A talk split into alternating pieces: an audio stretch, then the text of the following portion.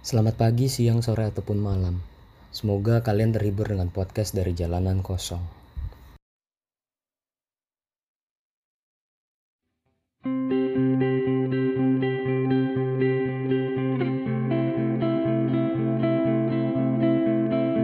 Ternyata gue udah seminggu bolos sekolah.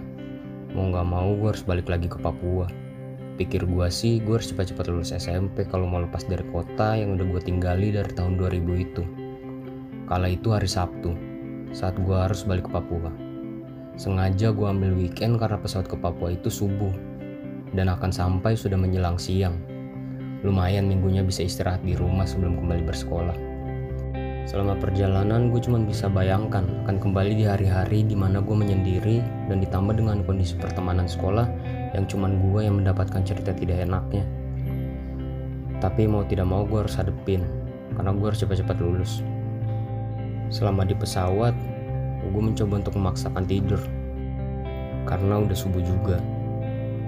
Terbangun ternyata sudah akan mendarat di Makassar. Kota yang dulu sebagai kota transit penerbangan ternyata berubah menjadi kota yang lumayan menyimpan kenangan tersendiri buat gue di masa depan. Hampir setengah jam gue transit di Makassar.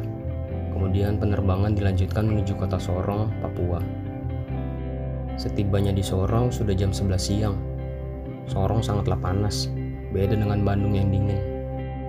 Karena cuma berbekal tas ransel, gue gak perlu menunggu bagasi. Setelah turun dari pesawat, gue langsung menuju pintu keluar. Lagi-lagi supir yang jemput. Setelah masuk ke dalam mobil, gue cuma bisa memandang kembali suasana yang drastis berbeda dari pemandangan satu hari sebelum ini. Sekitar 15 menit gue sampai di rumah yang cukup besar. Bisa untuk lima keluarga nampaknya. Gue bahkan gak tahu siapa aja yang tinggal di rumah gue. Selain gue, kedua orang tua gue dan seorang pengasuh. Karena gue selalu di kamar. Hanya keluar ketika sekolah atau makan. Setelah itu gue akan selalu di kamar. Di rumah gue hampir tidak pernah berbicara Kalaupun ditanya, gue hanya menjawab iya atau enggak. Seperti orang yang berbeda ketika gue di rumah ini. Siang itu setelah gue sampai di rumah, gue dipanggil oleh pengasuh untuk makan siang di bawah. Gue turun ke tempat makan dan ada seorang kepala keluarga yang sedang makan sendiri. Kemudian gue duduk dan makan bersama. Tapi hening, hanya ada suara sendok yang bersentuhan dengan piring. Setiap dalam kondisi ini gue selalu makan secepat yang gue bisa, agar cepat selesai dan bisa kembali ke kamar di kamar mengurung diri dengan menonton acara kartun di Disney atau menonton acara TV kesukaan gue. Si Bolang dan laptop si Unyil.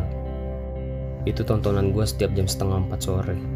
Nanti setelah jam 7 malam, gue baru pindah ke Discovery Channel atau National Geographic untuk menonton acara hewan-hewan atau How It's Made. Karena pada dasarnya gue gak suka main game, jadi tidak mungkin tiap hari gue main game.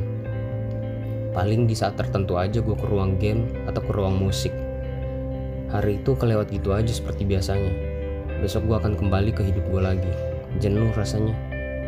Benar aja. Besok paginya ketika gue berjalan masuki pagar sekolah, sudah banyak anak-anak yang melihat ke arah gue.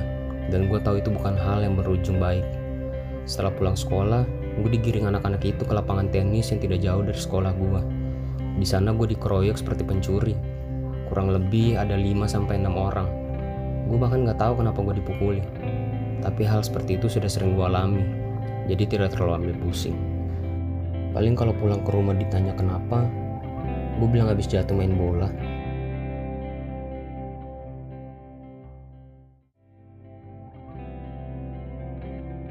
Halo semua, Putra di sini dan terima kasih sudah mampir di podcast Jalanan Kosong.